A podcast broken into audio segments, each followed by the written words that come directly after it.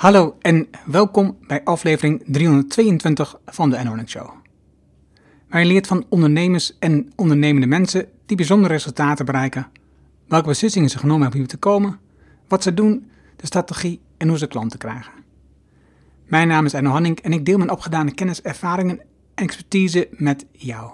Ik coach ondernemers zodat ze impactbeslissingen nemen om uiteindelijk een gezonde groeimotor te creëren zodat de onderneming vanzelf loopt. Vandaag het gesprek met Paul Geurts van Kessel. Paul is duurzaam ondernemer en op zijn 26 begon hij samen met een paar vrienden met het verduurzamen van woningen en gebouwen. Nu, zeven jaar later, zijn daar twee organisaties uit voortgekomen: Regionaal Energieloket en Green Home. Met een team van 40 mensen werken ze samen met ruim 60 gemeenten om hele woonwijken te verduurzamen. Paul krijgt veel energie van het oplossen van grote maatschappelijke problemen en ondertussen bouwen aan een mooi team waar je veel plezier mee maakt. Ik heb veel geleerd in het gesprek met Van Paul onder andere over denk iedere dag na over het ene ding wat je kunt doen om alle andere dingen eenvoudiger of overbodig te maken. Ken en focus je op de, tussen haakjes, normale problemen die bij de grootfase van het bedrijf horen. Je moet ze dus kennen en er bewust aan werken als ondernemer. Groei met je bedrijf zodat je impact groter wordt en meer mensen meewerken om het probleem op te lossen. Ieder bedrijf heeft problemen in iedere groeifase. Je bent niet bijzonder. Dat was een mooie conclusie. Wees altijd nieuwsgierig en leer laten beginnen. Welkom in de Erno Hamming Show. De podcast waarin je leert over de beslissingen om te groeien als ondernemer met je bedrijf. Luister naar de persoonlijke verhalen van succesvolle ondernemers en ondernemende mensen. Dan nu jouw business coach Erno Hamming. Welkom in een nieuwe podcastaflevering en vandaag hebben we een gesprek met Paul Geurts van Kessel. Welkom Paul. Welkom, hallo, goeiedag. En Paul, die ken ik eh, ten eerste dat hij sinds een korte tijd mijn klant is in de coaching. Maar ten tweede eh, ken ik hem ook al wat langer van het verhaal van Pieter van Os. Want dat was eigenlijk de connectie een beetje. Die uh, vertelde in zijn bedrijf regelmatig over de voorbeelden van jullie bedrijf. Dus dat, dat interesseert me enorm. En, um, en we hebben ook wat samen gedaan. Dus het was voor mij denk ik een goed moment om eens met je te gaan praten over... Wat doe je eigenlijk met je bedrijf? Hoe, hoe heb je die keuze gemaakt om dat zo te organiseren? En Um, hoe, hoe, ga je met keuzes om als ondernemers en met je team? Dus um, laten we eens kijken, want het grappige is dat jij. Um, nou ja, grappig, eh, dat is niet het goede woord. Jij hebt technology management gedaan uh, in Groningen. Mm -hmm. en, en, en, hoe kom je daarop? Om, om, want het lijkt me niet 1, 2, 3 iets waarvan je droomt als je klein bent. Nee, dat klopt. Uh, en al die studies hebben toen en nu weet ik het eigenlijk niet zo goed, maar allemaal fancy namen om uh, het bijna een soort marketing hè, vanuit de universiteit om uh, studenten te trekken. maar de combinatie tussen techniek en, en, en financiën, zeg maar, die trok me altijd al wel aan. Ik was vroeger altijd als klein jongetje met, met, met geld aan het spelen of aan het uitlenen aan mijn ouders als ze een keer tien gulden cash nodig hadden bij zo'n spreken of euro. En ook de combinatie met techniek, zoals als jong uh, jongetje radio's uit elkaar aan het solderen of uh, aan het aanrecht uh, met, met Erlenmeyers en reageerbuisjes aan het spelen met magie en glasseks en, en, en, olijfolie bij zo'n spreken. Dus daar zag je dat allemaal al wel terug. Dus um, ja, die, die combinatie kwam toevallig bij elkaar bij, bij zo'n studie als technologie management, technische bedrijfskunde is een andere studie waarbij ook beide elementen worden gecombineerd. Ja. Want wat, wat leer je precies als je technology management, wat leer je dan precies? Ja, je leert eigenlijk bedrijfsprocessen te optimaliseren in de breedste zin des woords. Ik had dan een, een, een spoor waarbij we um, individuele stukproductie, scheerapparaten bijvoorbeeld, dat je dat soort fabrieken optimaliseert. Uh, dan gaat het van hoe ziet de layout van die fabrieken eruit, hoe lopen de processen, hoe zit het met uh, de kostprijs, hoe zit het met uh, stuksprijzen, um, hoe kunnen we de organisatie leaner maken, dus minder, minder overbodige stappen in de, in de processen um, hebben. En hoe kunnen we die stappen wegnemen of standaardiseren, automatiseren, digitaliseren, was toen ook al een ding. Dus ja, allemaal dat soort dingen. Ja, eigenlijk een redelijk brede scope van hoe je, hoe je een bedrijf beter laat draaien, in de ruimste zin des woords. En als ik kijk naar een onderwerp waar ik de laatste tijd uh, veel mee bezig ben, uh, mede, mede, met Pieter, is um, het, het, Rijnlandse gedachtegoed. Hè? Mm -hmm. wat, we, wat we Europees ondernemen ook noemen. Mm -hmm. Dus, dus um, ten opzichte van, of tegenover misschien wel, het Anglo-Amerikaans model. Ja. Hoe zou jij die studie omvatten en aan welke kant valt, valt die? Nou, dan zit hij wel aan het, uh, aan het, aan het Rijnlandse model.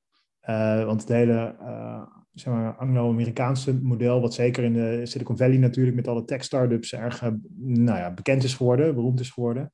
Um, als ik dat afzet tegen de plekken waar wij studiereisjes naartoe deden, dan was dat gewoon de Scania-fabriek in Zwolle bijvoorbeeld. Uh, en dat zijn vaak, ik noem maar even één voorbeeld, maar dat zijn, dat zijn vaak uh, bedrijven die um, som, soms familiebedrijven zijn, die gewoon producten maken in een bepaalde niche. Uh, en dat past eigenlijk veel beter bij het Europese Rijnlandse ondernemen eigenlijk. Als ik, dat zo, als ik me dat nu zo bedenk. Um, ja, gaat denk ik niet in alle gevallen op, want ongetwijfeld zit er ergens ook gewoon veel uh, venture capital of uh, private equity in, in een van die bedrijven. Dat zou allemaal goed kunnen. Mm, maar in algemene zin denk ik dat de studie meer gericht is op, uh, op gewoon ja, mooie producten maken en dat, dat goed kunnen opschalen. Mooi, mooi. Want, toen, ik, toen jij net zo schetste, had ik dus niet het beeld aan. denk, ah, laat ik het eens even vragen. Ik ben zeer benieuwd hoe je dat, hoe je dat ziet. Ja. En, en je kon ook goed studeren als ik dat zo zie, want je um, master heb je in cum laude afgesloten. Ja, dat klopt. Hoe kom je daar nou weer aan? Ja, luister, ik doe mijn werk.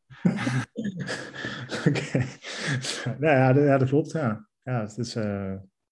Ja, wat moet ik daarvan zeggen? Ging het je makkelijk af of uh, hoe was het dan? Of moest je gewoon echt nog hard werken? Nou, het ging, ging op zich wel, wel, wel nou, makkelijk genoeg, blijkbaar. Um, um, ik heb altijd nog wel veel dingen naast gedaan. Dus uh, dat was, het was in de bachelor niet zo hoor. Want dan uh, ben je ook gewoon uh, een beetje sociale leven aan het opbouwen, om het zo te zeggen. maar ja, in de master ging dat, ging dat, ging dat zo. Ja. En ja, hoe zou ik het zeggen? Ja, dat, dat is gewoon vakken die gemakkelijk afgaan. Als je het leuk vindt ook, dan bijvoorbeeld mijn masterscriptie vond ik echt totaal geen probleem om te schrijven. Dat ging over windmolenparken uh, in België en hoe goed je die, de stroomproductie kon forecasten. Um, want je moet 24 uur van tevoren aangeven hoeveel stroom zo'n park gaat maken. Dat wist je niet en er staan boetes op. En dat ging om hele grote bedragen. Dus het terugbrengen van die boetes daarop, door een beter forecastmodel te maken, dat, had, dat vond ik superleuk om daarmee bezig te zijn. Dus ik heb vijf maanden lang daar onderzoek naar gedaan en nooit een dag met tegenzin die scriptie geschreven. Uh, want ja, ik koos mezelf mijn scriptiebegeleider uit. Dat, dat regelde ik dan wel altijd zo dat, dat, uh, dat ik gewoon bij die persoon binnenliep op zijn kamer zeg: Ik wil jou als scriptiebegeleider. En het, bedrijf ken ik ook al wel. Dus dan word je ook niet soort van gedwongen tot iets wat je helemaal niet leuk vindt. Dus daar, ja, zo, dat zo organiseren dat het ook gewoon goed uitpakt en dat de randvoorwaarden voor jezelf ook, prettig zijn, dat, dat had ik toen al wel in zitten, eigenlijk. In zo'n scriptie, die schrijft het eigenlijk vooral, want je zat op in de Groningen, maar schrijft het vanuit Groningen of ga je ook gewoon naar het bedrijf toe? Nee, ik zat toen in Leuven. Ja, ja. precies. Ja. ja. Leuven ook, dus. Ook een gezellige stad trouwens. Precies. Ja, precies. Ik ken ze goed. Want ook zo'n uitstapje naar het buitenland maken, dat ken je ook, want je bent aan Institute Technology Bandung geweest. Ja, dat is, een, dat is eigenlijk de Technische Universiteit in uh, Indonesië. Ja. In Bandung, vlak Jakarta. Ja. En hoe kwam je tot zo'n uitstapje om daar naartoe te gaan? Want ik zie dat bij veel mensen dat ze dat missen. Ja, mijn ouders die hebben een tijdje in, uh, in Thailand gewoond in de jaren tachtig. Dus het hele uh, Azië is me wat dat betreft wel met paplepel ingegoten. En toen was er de mogelijkheid met het studium een halfjaartje in het buitenland te studeren. En toen heb ik dat gedaan. Kon je opties doorgeven en uh, top drie. En een daarvan werd het dan. En dat was in mijn geval uh, Bandung. Ik kende dat zelf niet. Um, maar ik dacht van, nou, we gaan het wel zien. Maar daar eigenlijk de tijd van mijn leven gehad. En ook wel, ik denk dat het daar ook was dat ik dacht van, ik wil de rest van mijn leven uh, met duurzaamheid aan de slag. En uh, mijn professionele leven wijden aan het oplossen van grote maatschappelijke problemen. En heb ik wel echt daar, dat kiemetje is daar wel um, geplant, zeg maar. Enerzijds door de omgeving waar je in zit. Ja. Een prachtig land, maar het gaat ook echt supersnel naar de Filistijnen, zeg maar. Je ziet dat gewoon voor je ogen gebeuren. Wat, wat, wat, gebeurt er? Ik heb er natuurlijk wel wat van gezien, maar ik ben misschien mensen niet. Maar wat gebeurt er dan voor je ogen wat, wat er al vernieuwd wordt op dit moment? um, um, oerwouden waar je doorheen loopt, um, die gewoon voor je neus uh, verdwijnen, waar gewoon de kettingzagen hoort, uh, hoort ratelen, zeg maar. Je ziet de bomen vallen, je lijkt echt dat je in een soort van uh, ja, WNF-spotje loopt of zo. Nou, dat, dat, dat doet echt wel wat met je. Of de, dat je soms uit het water moest, in, ergens in Papua, omdat er gewoon met cyanide werd gevist, dus gif in het water. Dus dan is het gewoon hartstikke dodelijk. En dan zie je gewoon die, die koraalriffen daar allemaal verbleken. Dat je denkt, weet je, waar zijn we met elkaar mee bezig, joh? Weet je, dit, dit, dit gaat gewoon niet. En ondertussen zie je daar de bevolkingsgroei wel toenemen als een malle. Dus dan zie je als, als jochie van 21 van ja, dit, dit gaat gewoon mis. Dit is, dit is niet met elkaar te rijmen. We plegen zo'n roofbouw, letterlijk en figuurlijk. En als ik dat zo zeg en je hoort dat zo, dan is dat iets wat redelijk ver van je bedshow staat als je het er gewoon over hebt. Maar als je het voor je ziet en je ziet hoe prachtig zo'n jungle is waar je dan in loopt en je ziet daar de apen en al die oerwoud, het is echt alsof je in een soort planet Earth rondloopt. Ja, dan, dan raak je dat wel. Dan denk ik van ja, verdomme man, je moet, dit, dit, dit, je moet er echt mee kappen. Uh, slechte woordspeling trouwens. Ja. je moet... Je moet weer stoppen. je moet weer stoppen, ja. Nee, ik, en ik, ik, het grappige is natuurlijk dat ik, ik ben met dit onderwerp uh, best wel intensief bezig. Ik heb er veel documentaires over gekeken, um, een boek over gelezen. Mede, uh, bijvoorbeeld een interessant boekje over is um, Grüne Wet niet. Uh, oftewel, um, het gaat over greenwashing. Mm -hmm. En daarin worden twee uitersten aangegeven in Indonesië. Dus de oerwoudafbraak vanwege palmolie. Mm -hmm. En in um, Zuid-Amerika de oerwoudafbraken vanwege um, soja. Ja. En het is absurd dat mensen van mijn leeftijd, ik ben 53, niet in de gaten hebben dat het zo hard achteruit gaat. En telkens maar blijven vasthouden aan hun eigen ontwikkeling en vooruitgangen en hun eigen geld en hun eigen huis, boompje, beestje. En niet in de gaten met alle dingen die ze aan het doen zijn. Of misschien hebben ze het wel in de gaten, maar willen, willen, het gewoon, willen het gewoon niet eens weten. Probeer het gewoon te onderdrukken of zo. En jij bent daar als 21 jaar en je ziet het gelijk gebeuren. Maar je kan niet iedereen even naar Indonesië sturen of naar nee. om het, want dan dragen we alleen maar bij aan het probleem. dus dat is niet. Maar hoe kun je nou, hoe kun je nou mensen. Hoe, hoe, hoe kan jij nou mensen helpen om daar meer duiding aan te geven? Ja, dat is wel de one billion dollar question eigenlijk. Hè? Uh, nou, ik, ik, er zijn een paar sporen. Kijk, je kunt. Mm, kijk, je kunt de politiek ingaan als je een probleem wil oplossen. Je kunt een bedrijf starten als je een probleem wil oplossen. Je kunt een NGO starten. Ja, ook, kun je ook zien als een soort bedrijf, maar net anders. Um, of je kunt bij een van die type organisaties gaan werken. Dat zijn een beetje de, de vier smaken die er zijn. Nou, politiek, zeker destijds, toen ik 21 was, dacht ik van dat, dat, dat, is, was toen uh, ver van de bedshow. Starten resoneerde meer met de ondernemersgeest. En dacht van nou, als je een bedrijf start, um, niet iedereen voelt die urgentie die je net beschrijft over de, de, wat er allemaal een beetje naar de knoppen gaat. Niet iedereen heeft het zelf gezien met eigen ogen. Dus het is denk ik krachtiger als je gewoon een, een dagdagelijks probleem voor iemand weet te tackelen. En dat je ondertussen iets goeds doet, zeg maar, voor de wereld. Veel um, goede doelen bijvoorbeeld, die hebben het, uh, het juiste doen voor de wereld als, als primaire speerpunt genomen. En dat is een hele prima strategie, want daar zijn grote NGO's uit voortgekomen. We kennen ze allemaal wel. En die, we hebben ook echt wel succesvolle projecten um, uh, die, ze, die ze doen in het buitenland of in Nederland in de rechtszaken. Tegenwoordig met die rechtszaken die worden aangespannen. Agenda, ja. Ja, Agenda bijvoorbeeld. Of, uh, of in Milieudefensie met uh, Shell. Um, maar het is eigenlijk nog krachtiger op het moment dat je, dat je een product of dienst levert aan iemand, aan gewoon een, een Nederlander, nu, hier, of aan een overheid of aan iets. Um, en dat je met het leveren van dat product ondertussen ook iets goeds doet. Dus in ons eigen geval, wij helpen mensen met het verduurzamen van hun huis.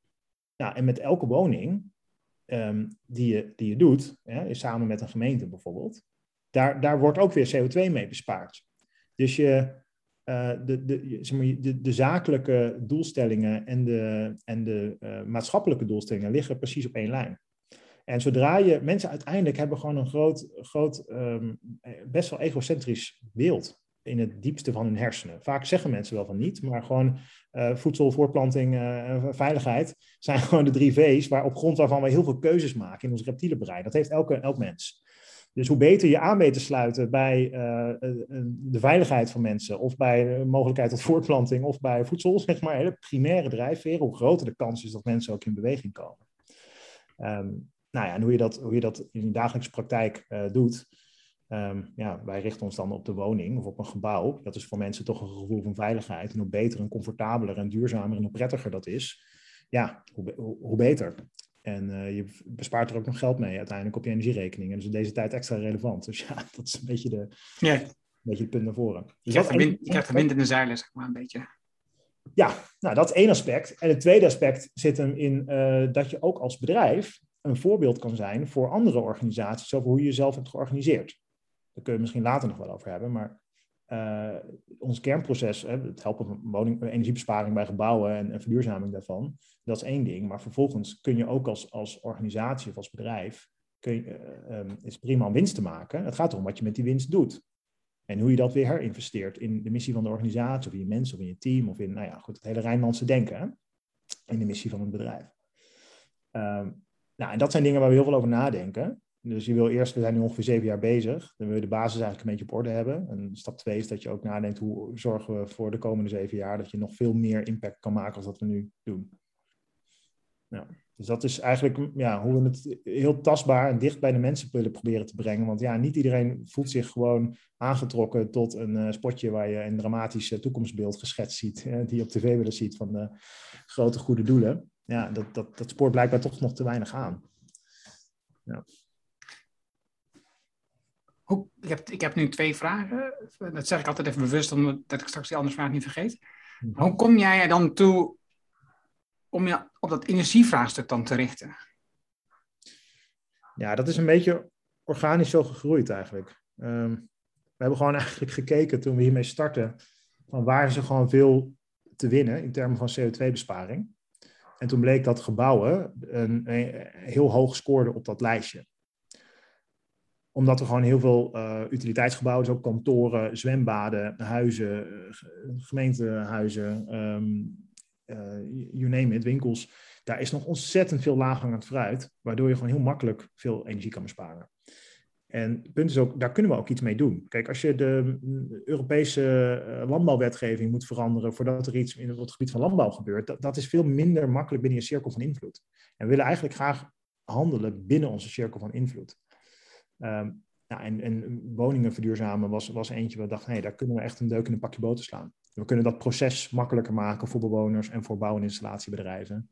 Om, um, ja, om, om, om uh, zonnepanelen, isolatie, hybride warmtepompen, warmtepompen voor ventilatie, dubbel glas, noem maar op. Om dat soort maatregelen um, veel makkelijker uh, aan te brengen in de woning. Dus het is een beetje zo gegaan. Want je bent gestart met vier partners. Mm -hmm. Ja. En met z'n vieren heb je nagedacht over wat kunnen wij nou doen?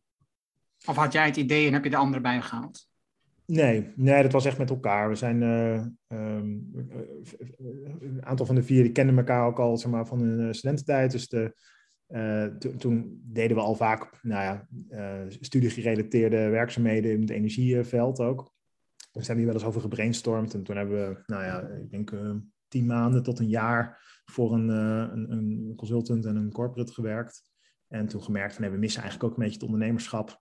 Uh, en, en, toen kwam dit voorbij, letterlijk uit een rapport van het ING Economisch Bureau, volgens mij, in 2013. Daar stond dit gewoon heel mooi in opgeschreven. En toen dacht ik, hé, dit is toch eigenlijk wel een inzichtelijk rapport. Laten we dit dan gewoon gaan starten. Waarom gebeurt dit niet? ja, letterlijk, dat is een beetje heel pragmatisch. Gewoon ja, en dan ga je een beetje met elkaar zitten. En van het een kwam het andere. En zei, nou ja, dat wil ik ook wel. vind ik ook interessant. Nou, dan zeg ik ook wel baan wel op. En dan, uh, nou, oké. ja, klinkt een beetje makkelijk als ik zo zeg, maar dat is een beetje hoe het is gegaan, eigenlijk. en dan heb je dat idee en waar begin je dan? Ja, dat, dat, je gaat dan alle, we hadden helemaal geen netwerk in die sector en geen ervaring. Dus we wisten eigenlijk echt van niks. Dus dan ga je maar ja, met installateurs spreken. Je gaat naar uh, netwerkbijeenkomsten georganiseerd door RVO. Of ehm, ja, echt, echt naar webinar. Nou, het waren toen geen webinars, maar meer van die um, congresdingen. Daar, daar, ontmoet je wat mensen en dan leer je een sector kennen. En dan eh, vraag je heel veel door. Waar zit dan de pijn? Waar loop je tegenaan? Wat als we dit zouden doen? Wat als we dat zouden doen? Ja, en op een gegeven moment hebben we een installateur leren kennen. Um, het Apeldoorn. En daarmee eigenlijk de, zeg maar, uh, zakelijk vastgoed gaan verduurzamen. Inclusief de financiering erbij. Dat was een vernieuwend aspect destijds. En van het een kwam het ander. En dan rol je er gewoon een beetje in. En, en ja, als je gewoon een nieuwsgierige houding blijft hebben, um, dan maakt het eigenlijk niet zoveel uit of je, ergens, of je nou ergens wel of geen ervaring in hebt. Want dan kun je stiekem, als je gewoon een, een enorme gretigheid hebt om te leren, en als dat leren ook nog een beetje eh, goed afgaat, dan kun je in no time best wel veel afweten van een bepaalde sector. En dat hebben we gewoon gedaan. En dat doen we eigenlijk tot op de dag van vandaag nog steeds. Dus we, ja, we hebben alles behalve uh, het idee dat we alles al weten. Of dat we alles hebben uitgedacht. Nee, we staan pas een beetje aan het begin. Er is nog heel veel te leren. In die tijd hebben jullie meerdere bedrijfsnamen gehad.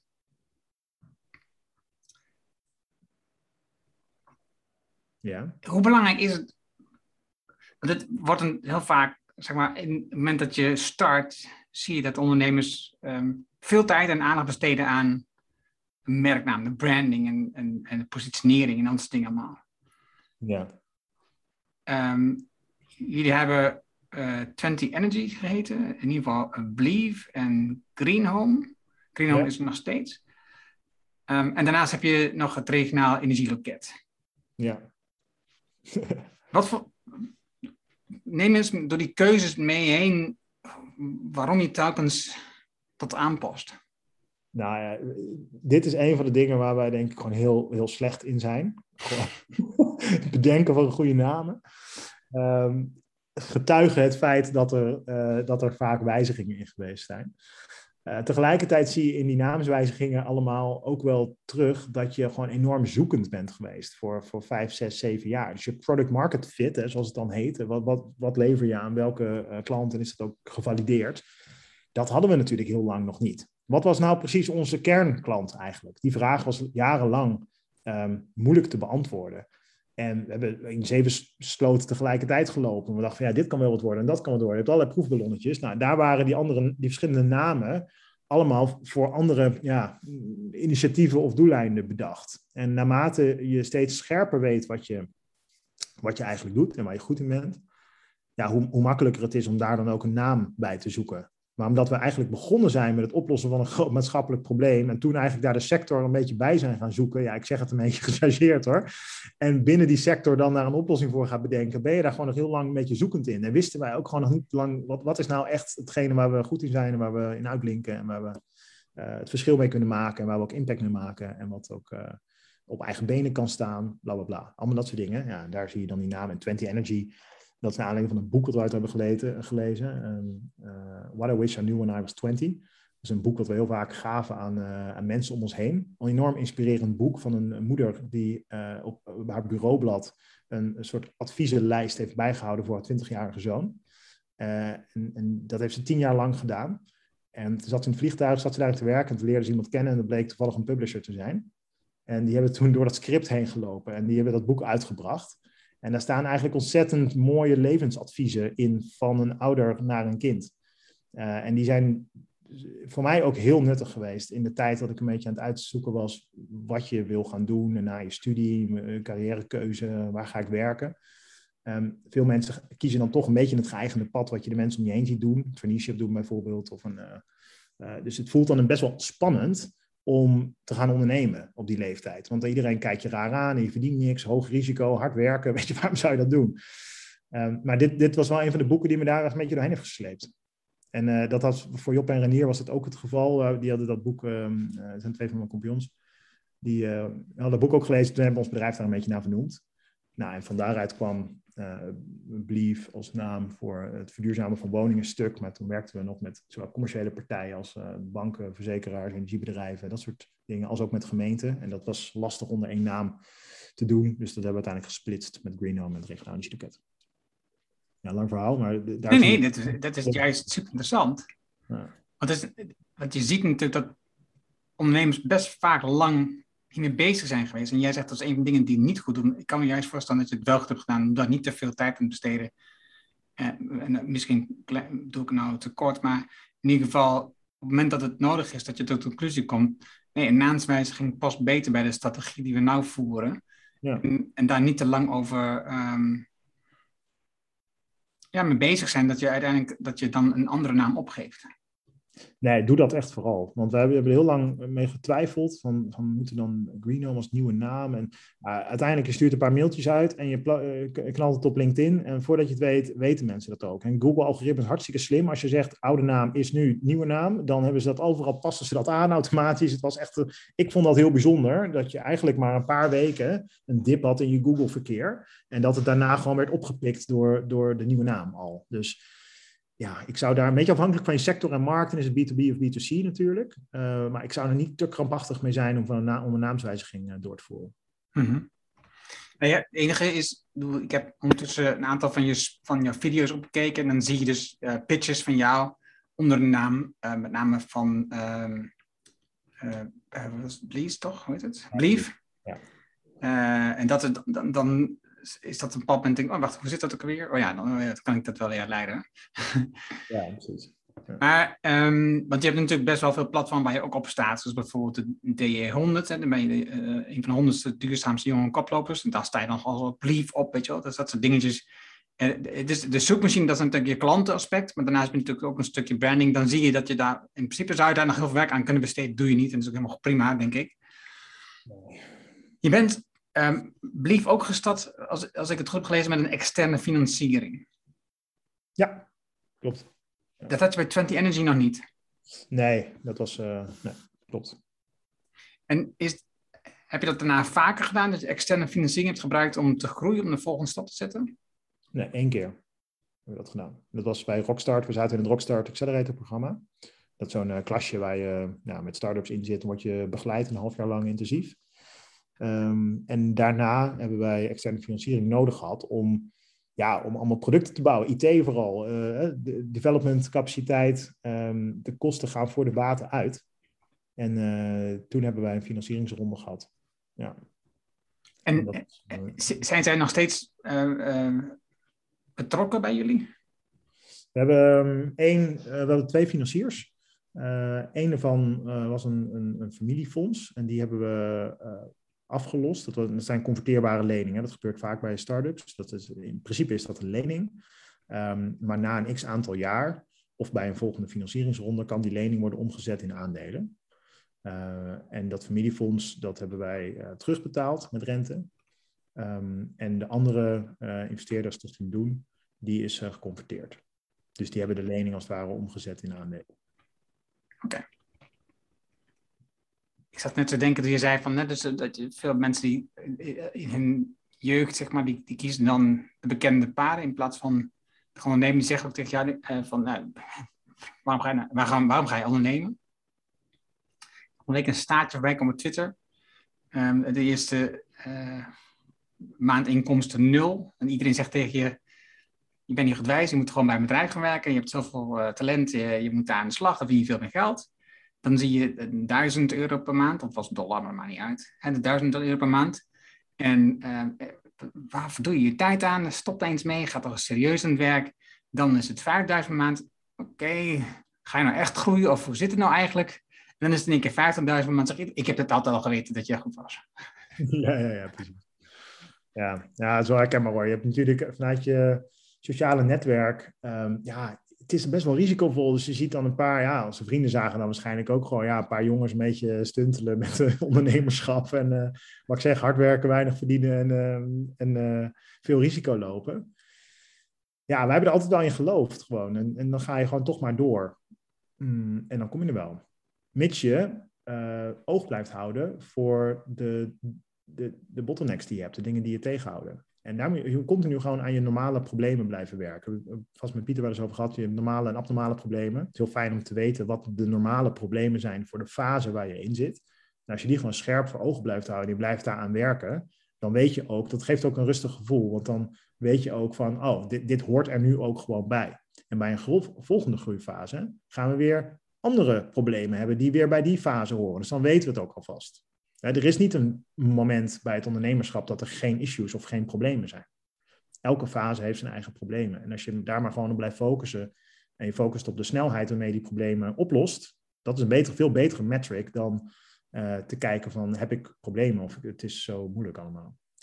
Uh, maar ja, de mensen om je heen die denken dan toch van ja, hè, die, die gaan allemaal natuurlijk meer verdienen en die rijden allemaal mooie auto's en zo. Ja, dat heb je niet als je gaat ondernemen dan. Ja. Voorlopig nog niet, misschien ooit wel.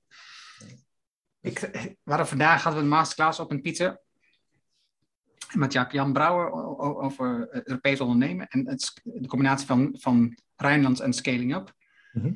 En ook dat bedrijf, wat erin zat, dat, um, ja, dat zat te worstelen met, met het uitvoeren van de opdracht. En er zaten heel veel uh, dingen die ze nog niet goed vonden van zichzelf en waar ze tegenaan liepen. En, uh, en de, de, problemen dus die je beschrijft. En de problemen die dus heel normaal blijken te zijn. En het grappige is, uh, de vraag die dan ook komt, en ik heb hem vaker gehoord, is zijn wij dan de enige met deze problemen?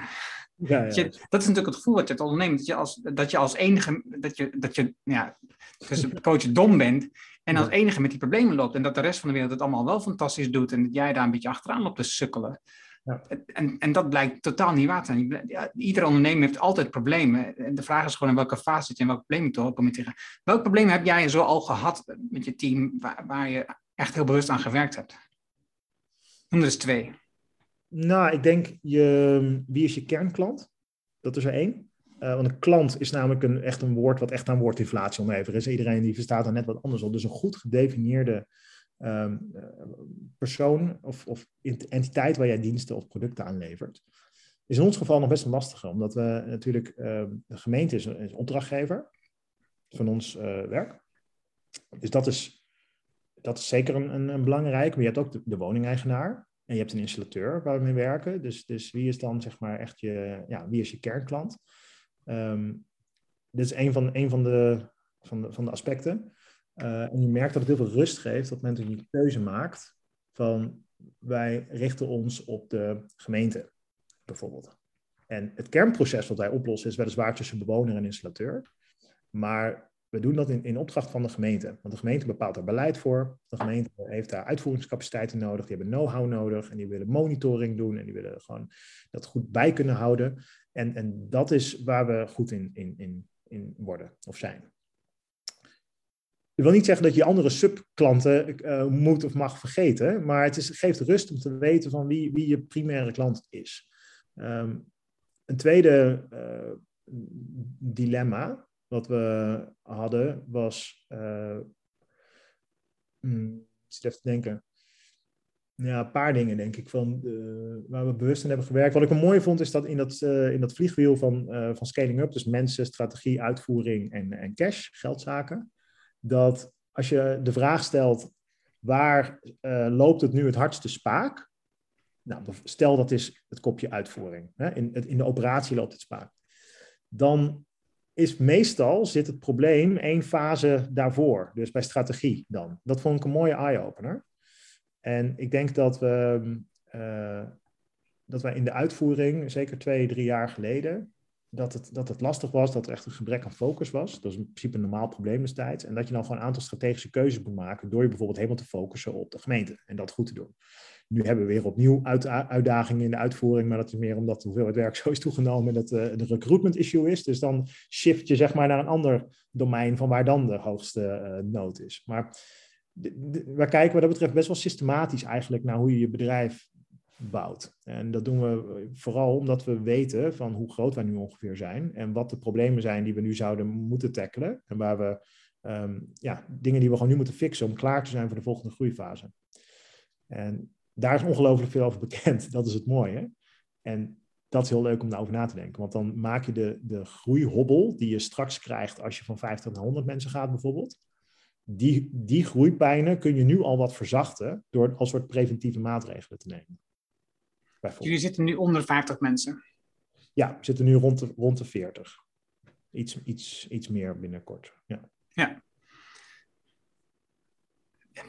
Mensen krijgen is op dit moment een hobbel voor veel bedrijven. Ze hebben, Ja. ze hebben meer kansen dan de mensen hebben in huis hebben om het werk uit te voeren. Ja, Wat doen jullie daaraan om daar opvallend in te zijn, om, om de juiste mensen aan te trekken? Een paar dingen. We adverteren. We hebben, we ja, eigenlijk begonnen met een goede analyse. Van waar komen de mensen nu vandaan die nu bij ons werken? Eh, nou, dat bleek bij een paar specifieke jobwebsites eh, vandaan te komen en via via. Nou, als je weet waar, wat de bron is van de meeste van de mensen in je team nu, dan kun je die eh, kanalen en die bronnen natuurlijk intensiveren. Dus je kunt recruitment challenge organiseren intern. Eh, betere, meer banden aan, aangaan met eh, duurzame vacaturewebsites bijvoorbeeld. Ehm, nou, in dit geval hebben we ook eh, de keuze gemaakt om mijn eigen rol per 1 oktober, dat ik meer verantwoordelijk ben ook voor recruitment en teamzaken. Dus ik ben ook vanuit het managementteam zeg maar, daar echt op bijgesprongen. Want je bouwt toch stiekem best een groot netwerk op ehm, over de jaren heen. Maar als je heel druk bent met andere dingen, dan heb je gewoon simpelweg niet zo de tijd om ehm, mensen even te bellen of wat eh, kopjes koffie te doen of ehm, dat soort zaken. Dus daar ben ik nu eigenlijk sinds twee, drie weken eh, zelf ook persoonlijk druk mee bezig. Ehm, nou, en dat zie je op zich wel wat vruchten afwerpen. Dus het is veel via via in deze fase. Je hebt gewoon nog niet de geld, de middelen en de naam om een soort supergroot employer brand te hebben, wat een, eh, luchtvaartmaatschappij of een bank of eh, weet ik wat voor bedrijf heeft. Ehm, maar daar denken we wel, wel zeker over na. Dus het is wel een, een, een, het is een- je hebt een aantal korte termijn fixes om nu ook aan de mensen te komen. En we willen ons gewoon heel erg onderscheiden als werkgever naar de toekomst toe. Dat, dat iedereen zo trots is op de organisatie en dat alles gewoon zo goed geregeld is. Dat, dat, dat eigenlijk ja, iedereen op elk feestje alleen maar ehm, wil solliciteren bij. Omdat het gewoon zo top voor elkaar is. En met top voor elkaar bedoel ik niet alleen de arbeidsvoorwaarden, maar ook de cultuur die er heerst. Of de missie waar je aan bijdraagt en hoe meetbaar we ook de impact maken. Dat is denk ik iets wat steeds meer mensen willen zien. Hè. Iedereen wil een baan met impact, maar wij kunnen het supergoed kwantificeren. Ehm, en hoe besluiten worden genomen in de organisatie. Dus is er sprake van heel veel hiërarchie of heel weinig? In ons geval is er weinig hiërarchie, durf ik wel te zeggen. En willen we alleen maar mensen empoweren en in staat stellen om zelf meer eh, beslissingen en afwegingen te maken. Nou, daar hebben wij zelf wel eens een keer een workshop voor gegeven. Dat willen we alleen nog maar meer gaan doen. En ik denk dat dat allemaal zaken zijn die uiteindelijk bijdragen aan gewoon een prettige werkomgeving. Heb je, kan het zijn dat het, wat je nu hanteert, dat je meer van dezelfde kanalen inzet en daar juist meer aandacht aan geeft, dat je ook meer dezelfde soort mensen krijgt? En dus eigenlijk daarmee uh, minder diversiteit in je bedrijf krijgt? Ja, dat zou zeker kunnen. Uh, zie je dat als een risico? Nou, laag diversiteit zie ik zeker als een risico. Uh, dus we hebben dat ook naar elkaar echt uitgesproken, dat we eigenlijk een veel diversere um, team willen worden. En divers in alle opzichten, is vaker in een podcast natuurlijk voorbij gekomen. Uh, wat diversiteit is, ik zal dat hele gesprek niet herhalen. Maar dat hebben we wel goed in onze oren geknoopt. Um, en dat betekent dat je ook op meer onconventionele plekken, um, zeg maar, aanwezig moet zijn. Nou, ik vond een paar hele goede tips al van dat je ook in de vacaturetekst zegt van hey, we zoeken specifiek mensen met een groot netwerk in nou, community X, Y, Z. Dat kan de, uh, een groot netwerk bij, uh, bij de moskee bijvoorbeeld of bij, uh, bij de buurtzorg of bij, je kunt veel in de blanks, maar door heel expliciet te maken kan dat mensen ook aanspreken. Zeggen, hey, oh, maar daar herken ik mij wel in of ik heb juist die achtergrond. Dus dat, dat is een van, de, een van de manieren. Het tweede is door meer samen te werken met ook bijvoorbeeld recruiters die juist een heel groot netwerk hebben in nou ja, andere niet-Nederlandse achtergronden, zal ik maar zeggen. Um, dus daar zijn we zeker mee, uh, mee bezig. En ja, we, we, het is een beetje soms een kip-ei probleem, denk ik. Want je mm. laat ook een beetje een teamfoto zien. Als je daar alleen maar witte mensen op ziet, dan kan ik me ook voorstellen dat dat, dat, dat, dat als je dat ja, ziet, dan denk je, ja, maar daar herken ik me niet helemaal in. Maar dat, iemand moet ook de eerste zijn, zeg maar. Ja.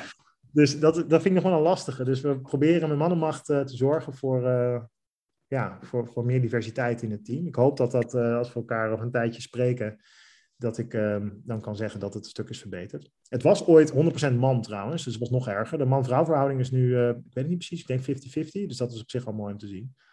Maar nou, dat is niet de enige as natuurlijk. Nee. Ik heb uh, een mooi boek. Ehm, als je naar de video kijkt, kun je hem ook zien. Ja. Waarom vrouwen minder verdienen. En wat we aan kunnen doen. Uh, Sophie van Gol heeft daar heel veel onderzoek naar gedaan. Mhm. En wat jij beschrijft, dat komt hier ook in terug. Hoe je, wat je zou kunnen doen om ervoor te zorgen dat je meer diversiteit krijgt in je procedures, in je, in je aannameprocessen. En um, ook in je recruitment. En het gaat, het gaat natuurlijk grotendeels over het verschil tussen mannen en vrouwen. En met name op wat ze verdienen, waar die loonkloof vandaan komt. Maar het gaat niet alleen daarover. Het gaat ook over andere minderheden. Die, um, die eigenlijk door diezelfde omstandigheden in, tegen dezelfde problemen aanlopen. Dus, dus, dat is een aanrader voor, niet alleen voor jou, voor voor duidelijkheid, maar gewoon voor iedereen die, die naar luistert. Ze, En ik, binnenkort heb ik ook een gesprek met haar voor de podcast. Leuk. Super, nou die, uh, die ga ik uh, lezen. um, ja.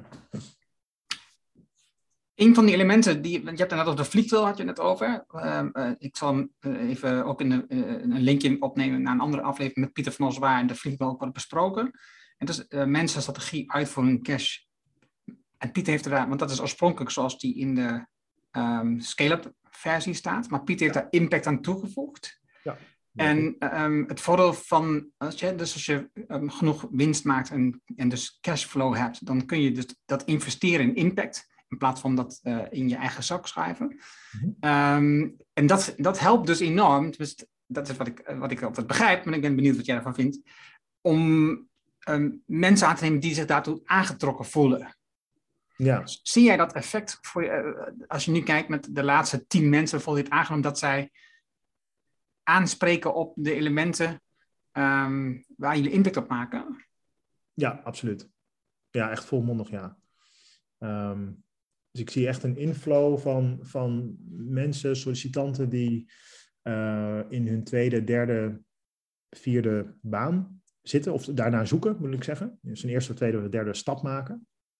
En daar is eh, impact maken een hele belangrijke. En hoe concreter dat is, hoe beter het is. Je ziet een gewoon toegenomen bewustwording van, ja, we moeten er iets mee doen. En, dan gaan mensen daar van, wat kan ik zelf doen? Nou, je kunt uh, van bank switchen, je kunt uh, minder vlees eten, maar je kunt, ook, je kunt er ook je werk van maken. Het is mogelijk om gewoon dagdagelijks daarmee bezig te zijn.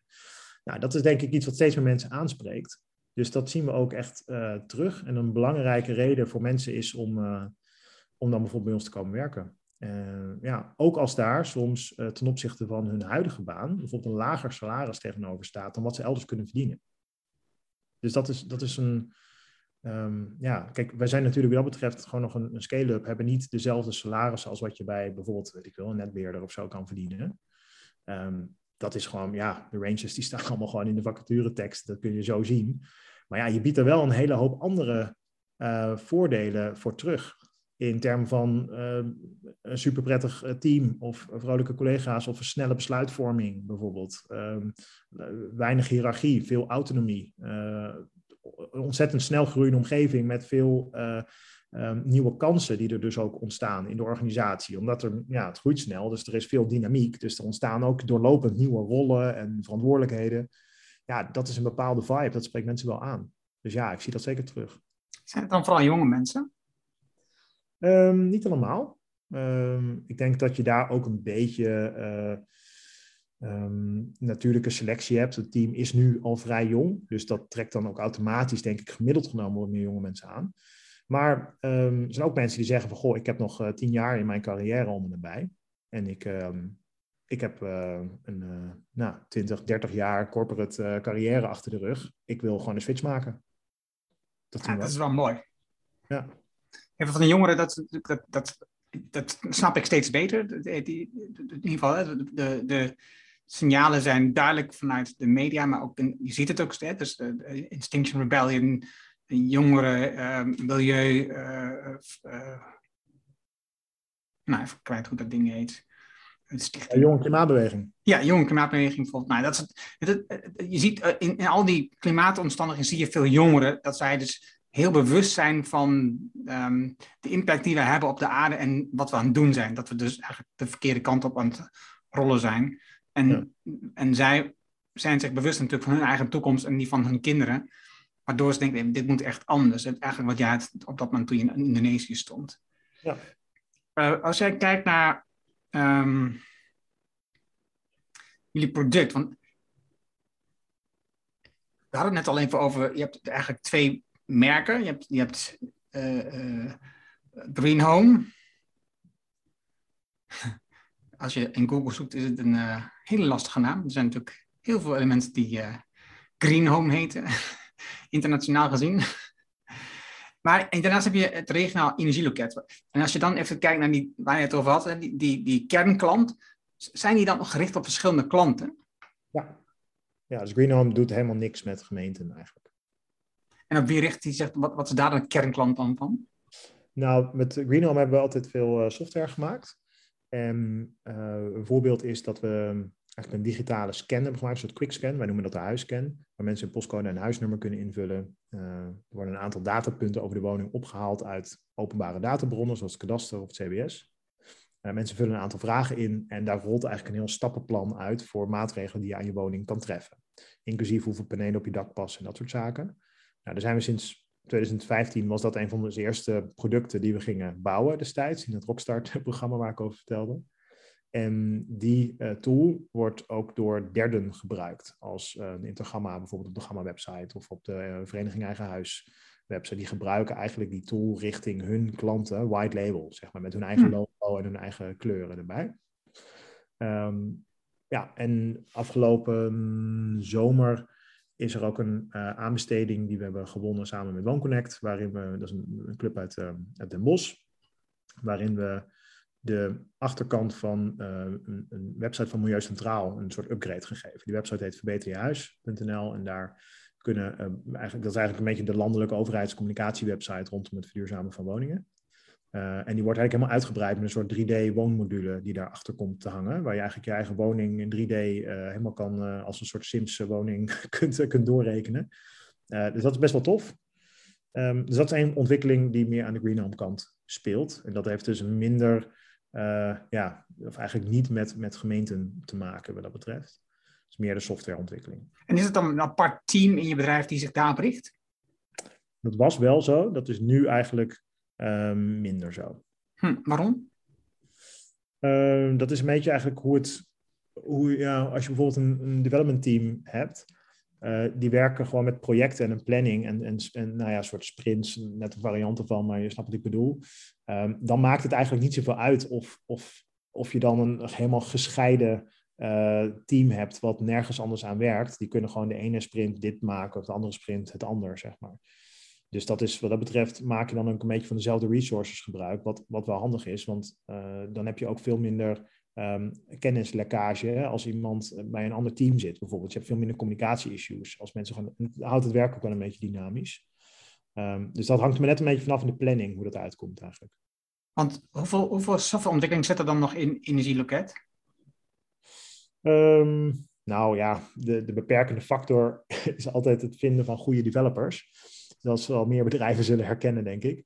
Dus er zijn ontzettend veel nog ideeën en wensen en een hele backlog aan, uh, aan projecten.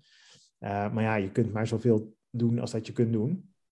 Dus er zijn nog een hoop, uh, ja, een, een, hoop doorontwikkelingen die we eigenlijk willen maken. En vergeet niet dat ook alles wat je gemaakt hebt, moet ook onderhouden blijven. Hè? Dus mm-hmm. op een gegeven moment verder gaan, heb je ook marginaal genomen steeds een groter team nodig. Omdat je op een gegeven moment ook een FTE, die is alleen maar gewoon aan het onderhouden wat er nu is. Dus er komt er niks nieuws bij. Dus gewoon bezig met zorgen dat het allemaal blijft draaien. Ja, in het begin heb je dat niet. Als je van 0 naar 1 gaat, dan is alles wat je doet, is netto marginaal gezien, komt er gewoon extra uh, functionaliteit bij en toegevoegde waarde bij. Maar naarmate je verder eh, groeit, of naarmate je langer bestaat, heb je ook meer, ja, ze noemen dat dan legacy, hè? dus uh, de, de, gewoon producten die in de lucht gehouden moeten, moeten worden. En daar heb je ook gewoon tijd en, en middelen voor nodig. Want vanuit een perceptie vanuit de buitenkant zou je kunnen denken, oké, okay, de overheid is je klant en die, uh, je, je, bent de link voor de, voor de huizenbezitter en um, de installateur bijvoorbeeld. Maar de, de, overheid die, die financiert dat voor een deel en die moet dat weten en die moet dat allemaal bijhouden. En dus denk ik eigenlijk gewoon, het zijn gewoon projecten die je doet met een klant en Um, en dat sla je ergens op en dan die informatie sturen naar de overheid. Dan ben je klaar. Dan denk ik, hoeveel, hoeveel zoveel ontwikkeling zit die dan eigenlijk in? ja, dat, uh, nou, om, je, ja, om je beeld te geven. Uh, op het moment dat je nu een offerte aanvraagt voor dubbel glas of voor zonnepanelen.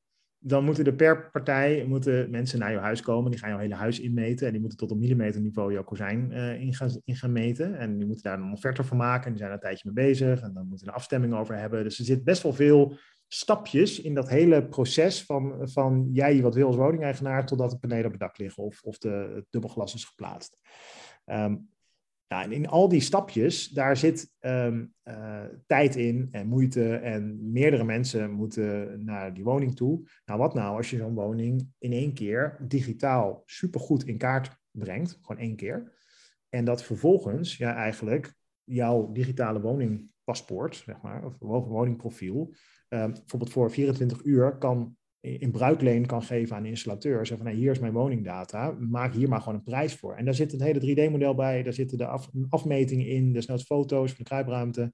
Dus die kunnen gewoon, dan, dat scheelt hun dat allemaal weer. Bezoekjes, werkbezoekjes bijvoorbeeld. Um, op deze manier uh, bouw je eigenlijk een woning van, hypothetisch gezien, vanaf de deurklink uh, tot het kozijn en de muren, en bouw je dat helemaal op. Ja, dan heb je een ongelofelijke hoeveelheid aan toepassingsgebieden daarvoor. En dit is maar één van de vele voorbeelden. Wil jij goed een advies kunnen geven zonder dat je elke keer per se naar de woning toe moet, ja, dan maakt het nogal wat uit hoe, hoe lang jij doucht. En waar een muurtje precies staat, want je wil dat alle kamers warm worden. Dus er zitten ongelooflijk complexe algoritmes en berekeningen erachter. Wil je dat het ook een beetje hout snijdt? Dusdanig lastig eigenlijk, dat het tot op heden, het anno 2021, dat dat hele digitale proces nog steeds niet helemaal echt helemaal goed staat. Er vinden nu heel veel goede initiatieven plaats. Wij zijn er zelf ook bij een aantal betrokken. Maar als dit heel makkelijk was geweest, dan was dit ook al lang op veel grotere schaal toegepast. Hmm. We zitten nog steeds met een situatie dat vraag en aanbod, dus vraag vanuit woningeigenaren of gebouweigenaren moet ik zeggen, en aanbod vanuit eh, bouw-installatiebedrijven, dat dat nog niet optimaal bij elkaar komt.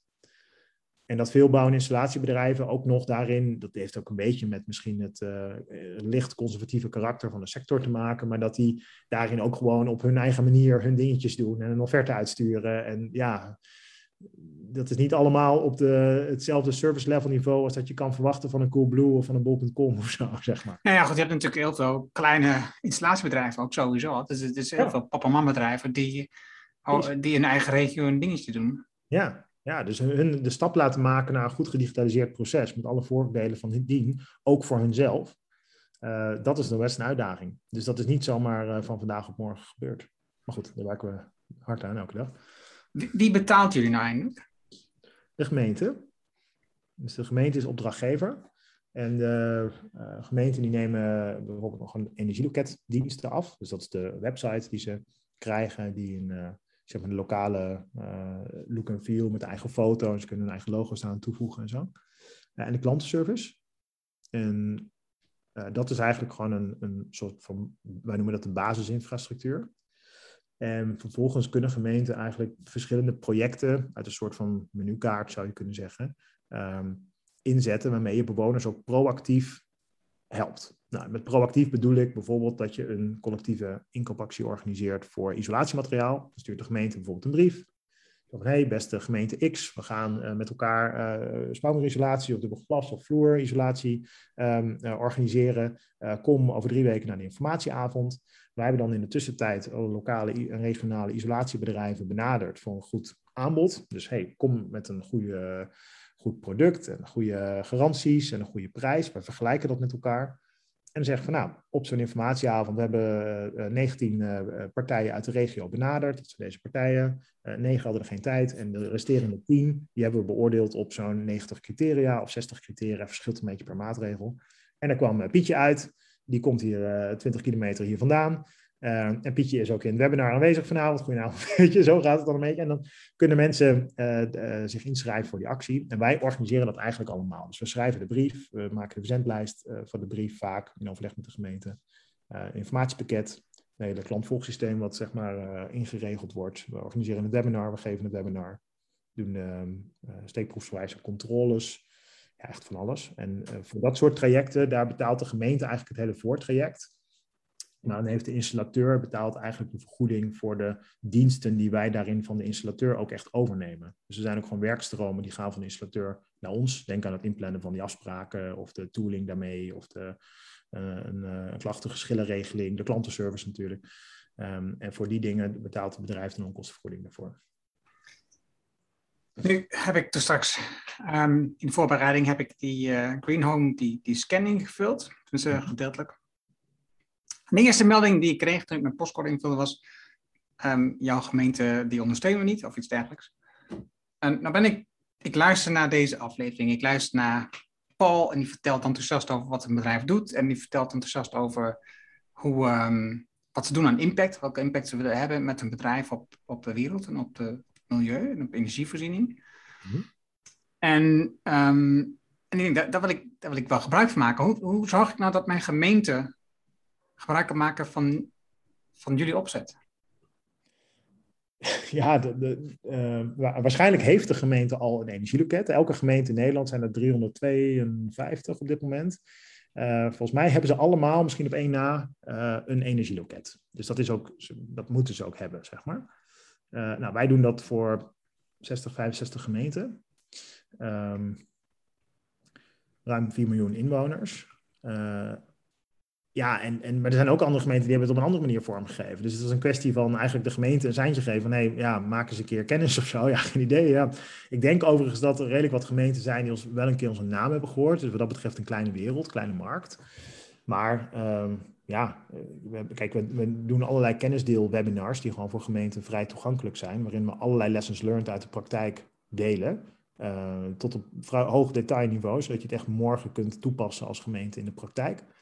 Dat soort webinars kunnen al een handig, uh, handig startpunt zijn. En ja, een kennis maken kan natuurlijk, kan natuurlijk altijd. Um, maar goed, we hebben nu ook wel een, uh, een drukke pijplijn qua gemeente en projecten. Dus we kunnen ook niet zomaar alles per definitie aan. Dus niet alle luisteraars moeten nou gelijk... Uh, nee, nee, nee, nee, nee, Dat zou wel gezellig zijn, maar dat, dat is, uh, dan uh, heb ik intern ook weer van hoe kun je dat nou zeggen? dus we moeten daar een beetje, een beetje rustig, rustig mee omgaan. Maar begin komend jaar, zal ik, begin 2022 zal de capaciteit weer, weer op peil zijn allemaal. De energiemarkt die is behoorlijk aan het veranderen op dit moment. Ja, uh, allerlei verschillende dingen zijn er gaande. Uh, wat, ik, wat ik met mijn kennis in ieder geval doe. Hè, dus we gaan van het gas af.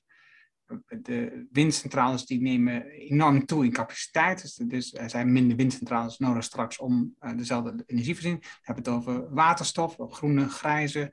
Um, blauwe waterstof, uh, we hebben het over zonnepanelen. Als we heel Nederland vol, op alle daken, zeg maar Nederland, zonne, ik geloof zo, zeven zonnepanelen leggen, dan komen we ook al heel eind. Dus er zijn ontzettend veel dingen gaande op energiegebied. Um, wat, wat, zijn, wat zijn grote veranderingen die op komst zijn, um, die impact hebben op wat jullie aan het doen zijn? Hmm, nou, vanuit de EU is er de Green Deal aangekondigd. Dat dat is eigenlijk het, Europese pakket aan maatregelen om de um, klimaatdoelen van Parijs eigenlijk te behalen, even plat gezegd. Uh, want er wordt vaak gezegd van ja, wij kunnen als Nederland in een kikkerlandje slaan we een druppel op, druppel op de gloeiende plaat, dus we moeten dat eigenlijk op een veel groter schaalniveau doen. Hè? Nou, voor sommige zaken is, dat ook wel, is, is daar ook wat voor te zeggen. Voor dat uh, CO2-handelssysteem bijvoorbeeld. Ja, dat kun je niet alleen maar in Nederland doen, dan moet je gewoon eigenlijk Europees wereldwijd aanpakken. Um, heel veel andere punten, daar is het ook een beetje een makkelijk argument voor. Maar goed, hoe dan ook, de Europese Commissie heeft een heel ambitieus pakket aan maatregelen neergelegd. En dat zijpelt eigenlijk door naar Nederland. Wij hebben in Nederland natuurlijk het klimaatakkoord gemaakt. Dus de doorvertaling van het klimaatakkoord en het uh, Europese beleid. Ja, dat, dat, die puzzel wordt nu eigenlijk gelegd. Nou, waar, waar zie je dat in terugkomen? Um, je ziet dat terugkomen bij uh, landbouw uh, aangescherpte regelgeving. Nou, dat correspondeert hier uh, enorm met de stikstofuitstoot uh, en de bouwopgave. Dus dat is een enorm lastig politiek dossier. Um, tweede is de opwek. Dus wind op land, wind op zee, zon op land. Nou, daar zie je dat hele interessante participatiediscussies zijn. Dus het is heel, ja, ja, meer duurzame energie. Maar als het vervolgens dan bij jou in de buurt is, dan willen we het niet. kijken mensen in één keer weer heel anders ernaar. Nou, dat, ik, ik, haak daar wel op in, want in de regio, en als je dan in de voorbereiding loop ik veel hard, maar ook als ik naar voetbalwedstrijden ga om te fluiten, ja. kom ik veel kleine plaatsen uit hier in de regio. Ja. En het echt om de havenklap zien we borden um, nee. Uh, nee tegen windturbines. Nee tegen uh, meter hoge windturbines die hoger zijn dan de Eiffeltoren. Ik, ik, begrijp er niets van. We willen wel dus een schonere planeet, maar niet in onze eigen achtertuin. Dat is in ieder geval wat zo'n beetje voor mij gevoel dat op neerkomt. Ja, nou, dat, dat is ook zo. En het grappige is als je de, de meerderheid vervolgens vraagt. Het is, het is vaak. Kijk, ik snap wel dat mensen uh, geërgerd zijn als ze het gevoel hebben niet serieus worden genomen. Krijg, dan krijg je gewoon weerstand. Dan organiseer je ook je eigen weerstand. Dat is op heel veel plekken in Nederland ook echt misgegaan, denk ik, afgelopen jaren. En voor de duidelijkheid, wij doen, wij doen niks met opwekken zelf, uh, op grootschalig. Maar je ziet dat op veel plekken misgaan. Vandaar dat steeds meer van dit soort projecten ook echt lokaal eigenaarschap krijgen. Dus dan krijg je eigenlijk een beetje dat Rijnlandse denken ook in het energieveld terug. Dus lokale energiecoöperaties of lokale bewonersgroepen die bijvoorbeeld 50% ook financieel eigenaar zijn van zo'n heel windmolenpark. Nou, als je dan kijkt naar wat dat voor jou betekent, concreet, dan zie je wel dat in één keer het, uh, nou ja, het animo in ieder geval, uh, dat de weerstand wat weg hebt. Um, niet overal, maar gemiddeld genomen denken mensen, hé, hey, je valt ook echt wel wat te halen. Dus ja, als je dan ergens wat hinder aan ondervindt, of sommige mensen vinden het lelijk in het landschap, dat is allemaal uh, prima. Maar dan word je daar ook financieel voor gecompenseerd. Dat was er een tijd geleden helemaal niet. Dus dan was het eigenlijk alleen maar verliezen, zoals mensen dat voelden. En nu ja, maak je mensen onderdeel van zo'n project. Uh, niet alleen qua besluitvorming, maar ook gewoon financieel. Gewoon qua revenuen die eruit voortvloeien. Dus dat gaat niet meer allemaal naar een projectontwikkelaar. Uh, maar ook gewoon naar de lokale gemeenschap. Nou, daar zie je hele leuke dingen ontstaan. Dat mensen met dat geld dan, ja, of ze, er wordt uitgekeerd, of dat zit in een coöperatie, of ze starten een lokale bierbrouwerij mee, of uh, vrijwilligersprojecten worden ermee gefinancierd. Dus dan krijg je een soort van fundingstroom die lokale dorpen in. Uh, waarvan sommige dorpen ook te maken hebben met leegstand, of je, met uh, leegloop, moet ik zeggen. Uh, dus dat kan echt weer een nieuwe impuls ook bijdragen aan een nieuwe impuls in, in de regio. En nou, dat is wel heel mooi, maar ja, en nou, je, hebt, je, hebt, je hebt soms gewoon ja, mensen die zijn tegen en die zullen tegen blijven. Uh, en die zullen dat ook laten horen. En die hoor je vaak best wel goed. Dus het lijkt soms ook alsof de hele achterhoek zeg maar in brand staat.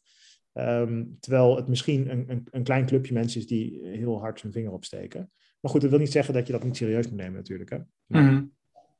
Dat gaan we wel de komende tijd echt merken. Dat, dat, dat laat ik zo zeggen, dat, dat de uh, gevolgen van klimaatverandering en ook van de oplossingen ertegen, dat we die gewoon steeds meer in ons eigen leven gaan merken.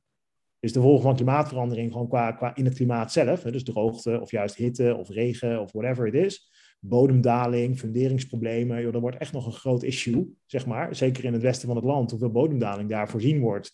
Ja, en hoe, hoe dat hier met de funderingsissues gaat. Volgens mij staan een miljoen woningen of zo, daar, daar worden gewoon funderingsproblemen verwacht. Nou, als je kijkt wat het kost per woning om een fundering opnieuw uh, te fixen, ja, ik verwacht daar echt nog komende 10, 20 jaar hoor ik wat hijs zijn de media daarover. Dat dringt nu nog niet helemaal goed door overal, maar dat wordt een ding. Um, ja, en de tweede is de, de maatregelen ertegen. Dus meer duurzame energie of klimaatadaptatie. Dus meer groene daken en dergelijke. Ja, niet iedereen vindt dat mooi en fijn. Dus ja, hoe dan ook, dat, dat gaat schuren. Ja, dat zullen we denk ik echt wel gaan zien. Het wordt, wordt een interessant uh, speelveld. En, en waar liggen de kansen voor jullie dan op dat moment? Nou, door het verhaal gewoon goed uit te leggen. De grootste toegevoegde waarde zitten erin dat um, bewoners terecht vragen stellen aan de gemeente van... Uh, waarom zouden wij iets doen als in Duitsland en in België juist subsidie geven voor aardgas? Waarom gaan wij er dan mee stoppen? Of hoe zit het dan met waterstof? Of uh, kost het niet veel meer energie om zo'n windmolen te bouwen dan dat die uh, oplevert? Of uh, waarom zouden wij als Nederland iets gaan doen? Weet je, wij zijn maar op wereldwijde schaal, uh, draagt het allemaal niks bij. Nou, dit soort vragen beantwoorden we eigenlijk plenair op informatieavonden en webinars. En daar zijn eigenlijk hele genuanceerde, duidelijke antwoorden bij. Dan moet je wel even de parate kennis hebben om die antwoorden goed genuanceerd uit te leggen. Net zoals NOS op 3 wel eens van die uitlegvideootjes maakt. Gewoon transparant, niet gekleurd, objectief, um, maar wel kloppend. En dat is iets, zeker als je live voor een groep bewoners staat, om dat even uit te leggen, dat, dat vindt niet elke gemeente even um, makkelijk of voelt zich daar even senang bij om dat te doen. En dat zijn die nuance aanbrengen in het debat. Van wat klopt nou wel, wat klopt niet, hoe zit het nou echt? Daar zien wij een hele grote toegevoegde waarde voor onszelf.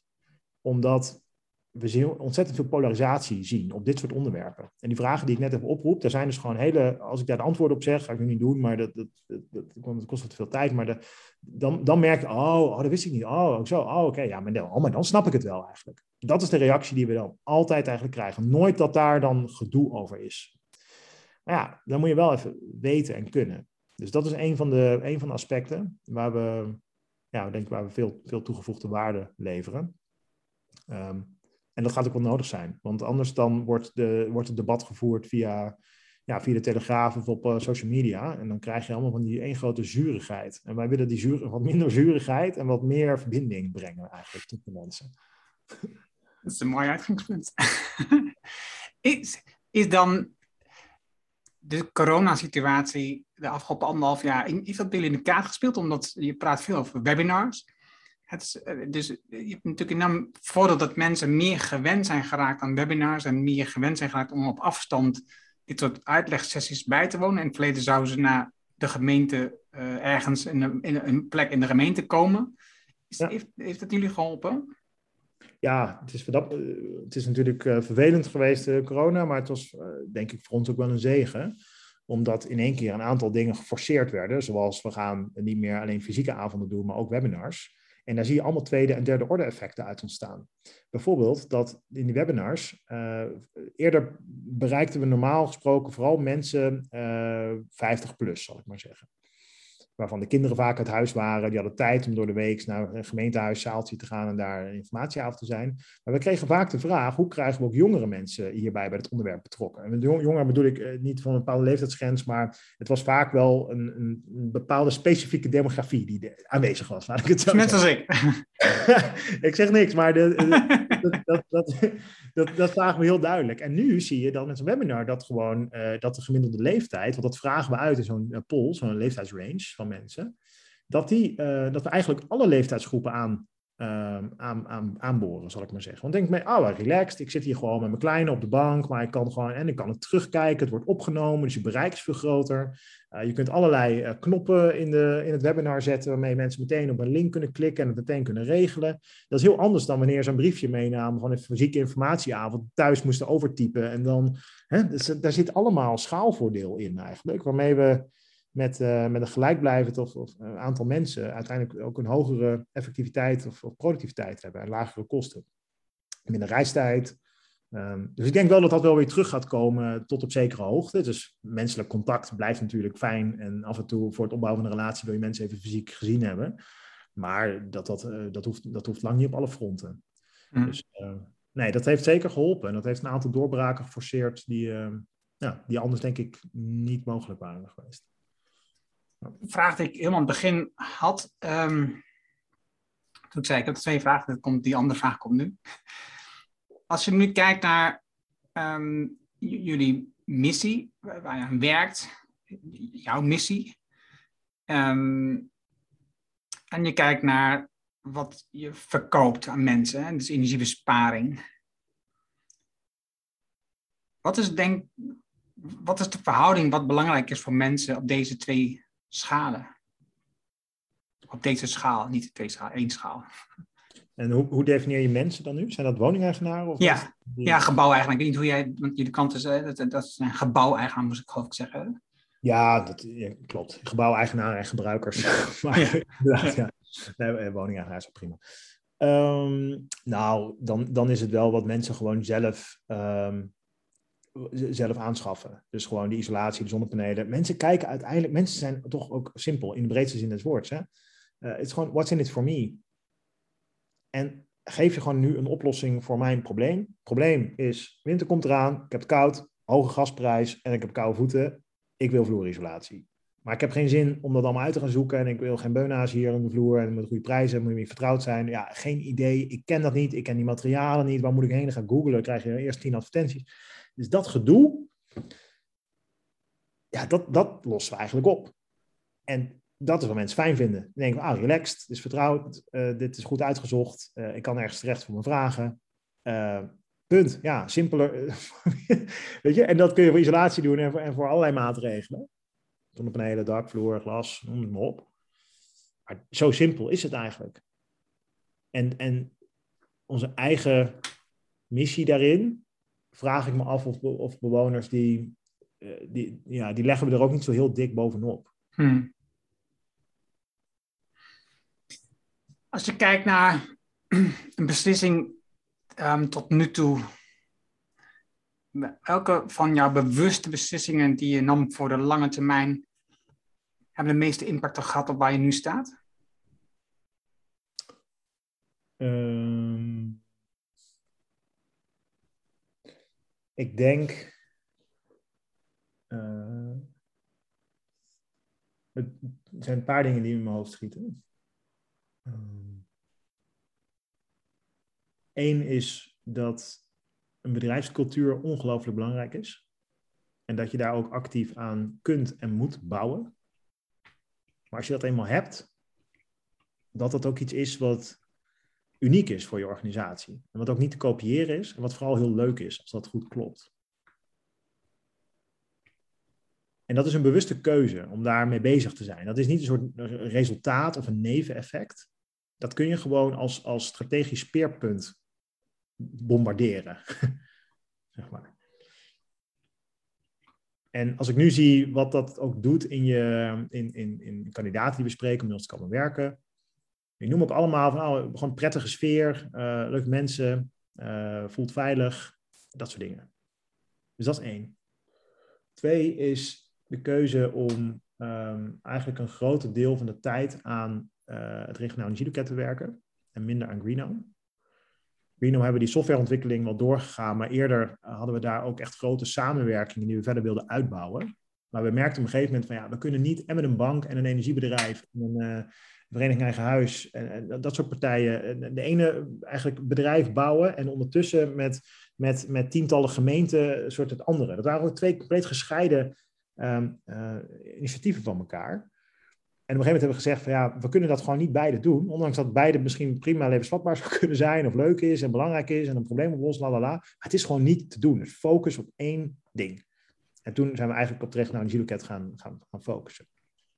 En, en dat nou, heeft gewoon voor veel minder versnippering gezorgd, aandacht in je hoofd.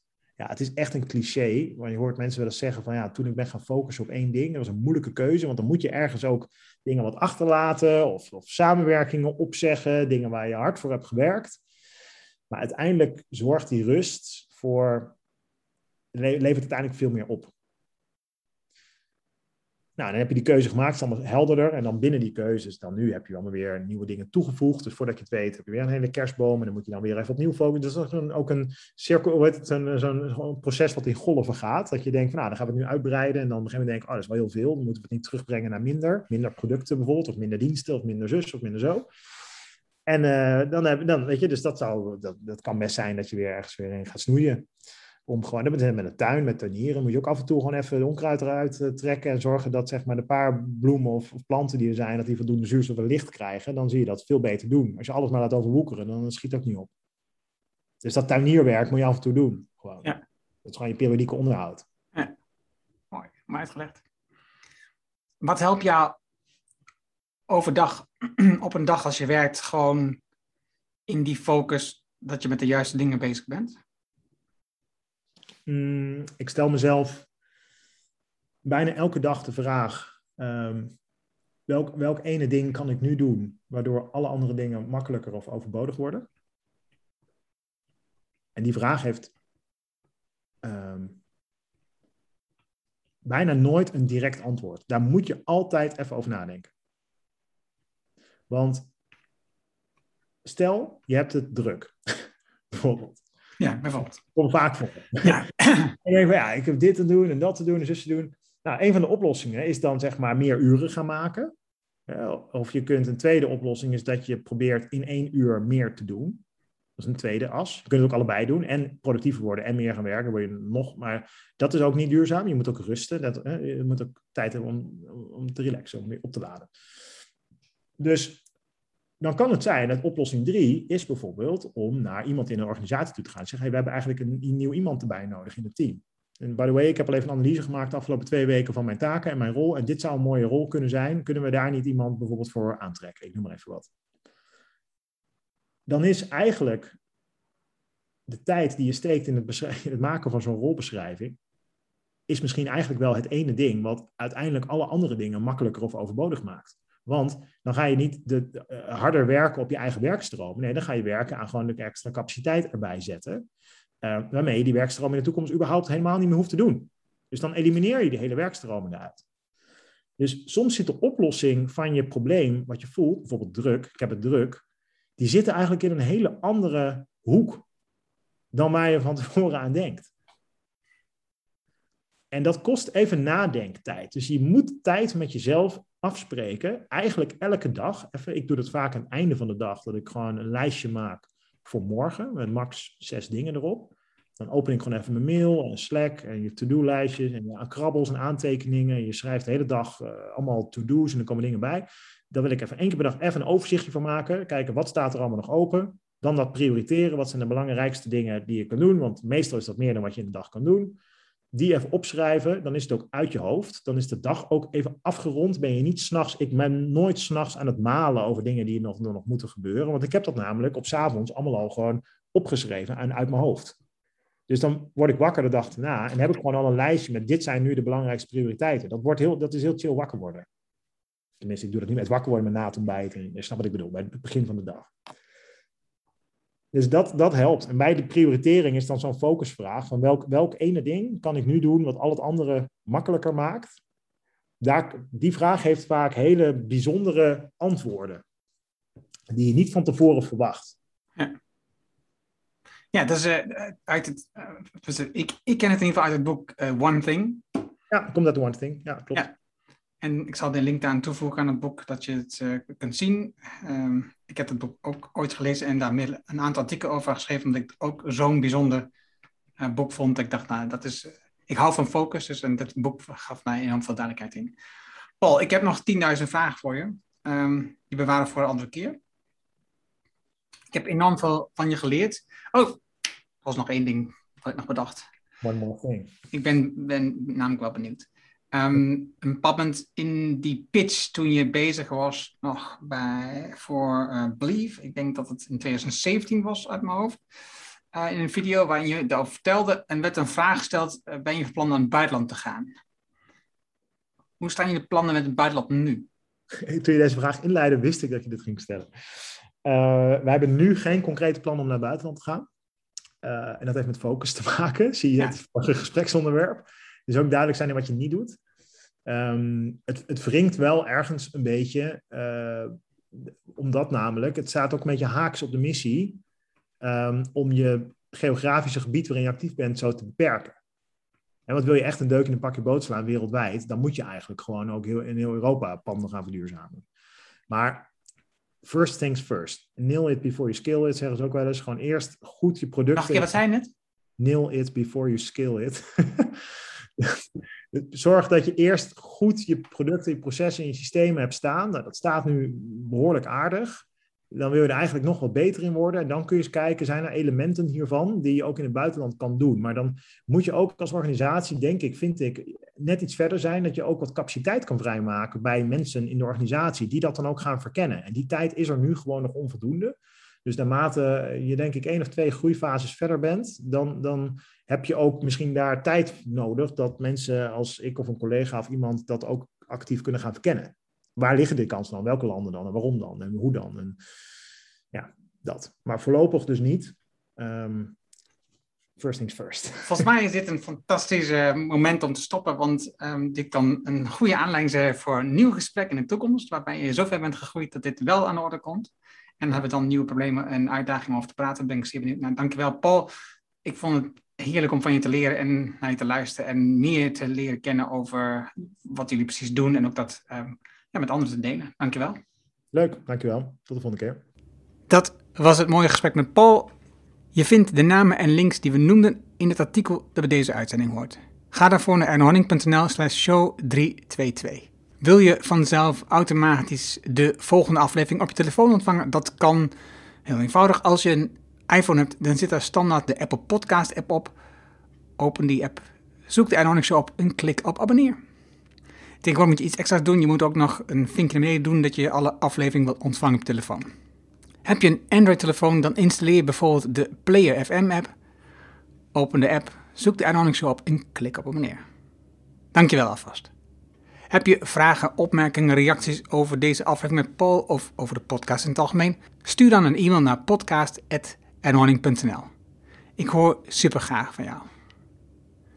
Wil je weten hoe de omzet verdrievoudigde nadat iedereen een minimumloon kreeg van 7000? Wil je leren hoe je ruimte maakt om te floreren en het stimuleren van ongelijkheid goed is voor jullie? Vraag dan het boek Impactbeslissingen voor welvaart en welzijn aan op ernohanning.nl. Dit is mijn nieuwste boek en je downloadt het daarom helemaal gratis. Je hebt zelfs geen e-mailadres nodig. Er is ook een Kindle en EPUB versie. Wil je de papieren versie van het boek? Dat kan ook. Je betaalt alleen dan de verzendkosten. Het boek blijft gratis, zolang het mijn nieuwste boek is. Vraag het daarom nu aan. Vraag jouw boek aan op ernohanning.nl en ik weet, je hebt een volle agenda. Je leest het in één avond uit. Dankjewel voor het luisteren en graag tot de volgende. Dankjewel voor het luisteren naar de Erno Hanning Show op ernohanning.nl.